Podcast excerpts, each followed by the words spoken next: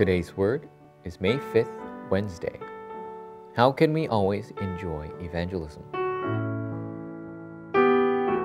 Acts chapter 1 verse 8. But you will receive power when the Holy Spirit comes on you, and you will be my witnesses in Jerusalem and in all Judea and Samaria and to the ends of the earth.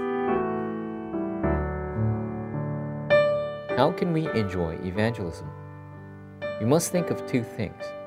It is specialization in the work we do and evangelism.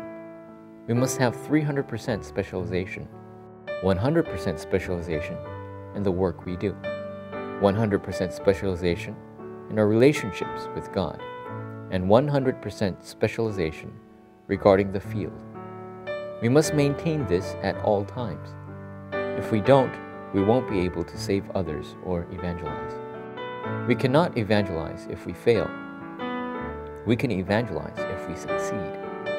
Going out as a witness is evangelism. What must we do? Number one, we must find the theme of evangelism throughout the 66 books of the Bible. There are wars, captivities, and all types of disasters throughout the 66 books of the Bible. We can only properly enjoy evangelism if we see these things properly. Why did Israel constantly face disaster? We will know why we have to evangelize if we know the reason. We must also see evangelism properly within the context of the Word. We must see the Gospels, Acts, and the Word regarding the last days through the eyes of the evangelism. Number two, all we have to do is find and enjoy the gospel in the midst of all events. What is the reason why great disasters come upon unbelievers after they succeed? We must understand evangelism as we look at today's culture.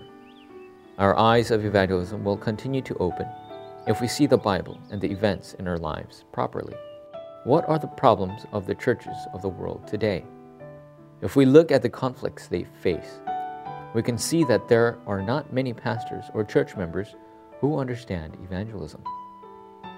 It should make us want to pray for evangelism. Number three, we can see the reason why we have to evangelize if we see what's inside of people. We can't know someone by looking at their outer appearances. We must look at what's inside of them. Successful people go through a lot of internal hardships. What they most need is the gospel. There are so many ordinary people who are suffering on the inside and are stuck in shamanism, fortune telling, and idolatry. There are people among them who continue to fail over and over again.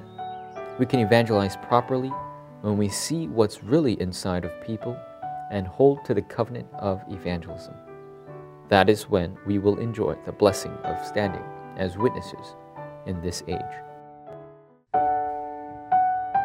Forum topic What type of specialization do you possess?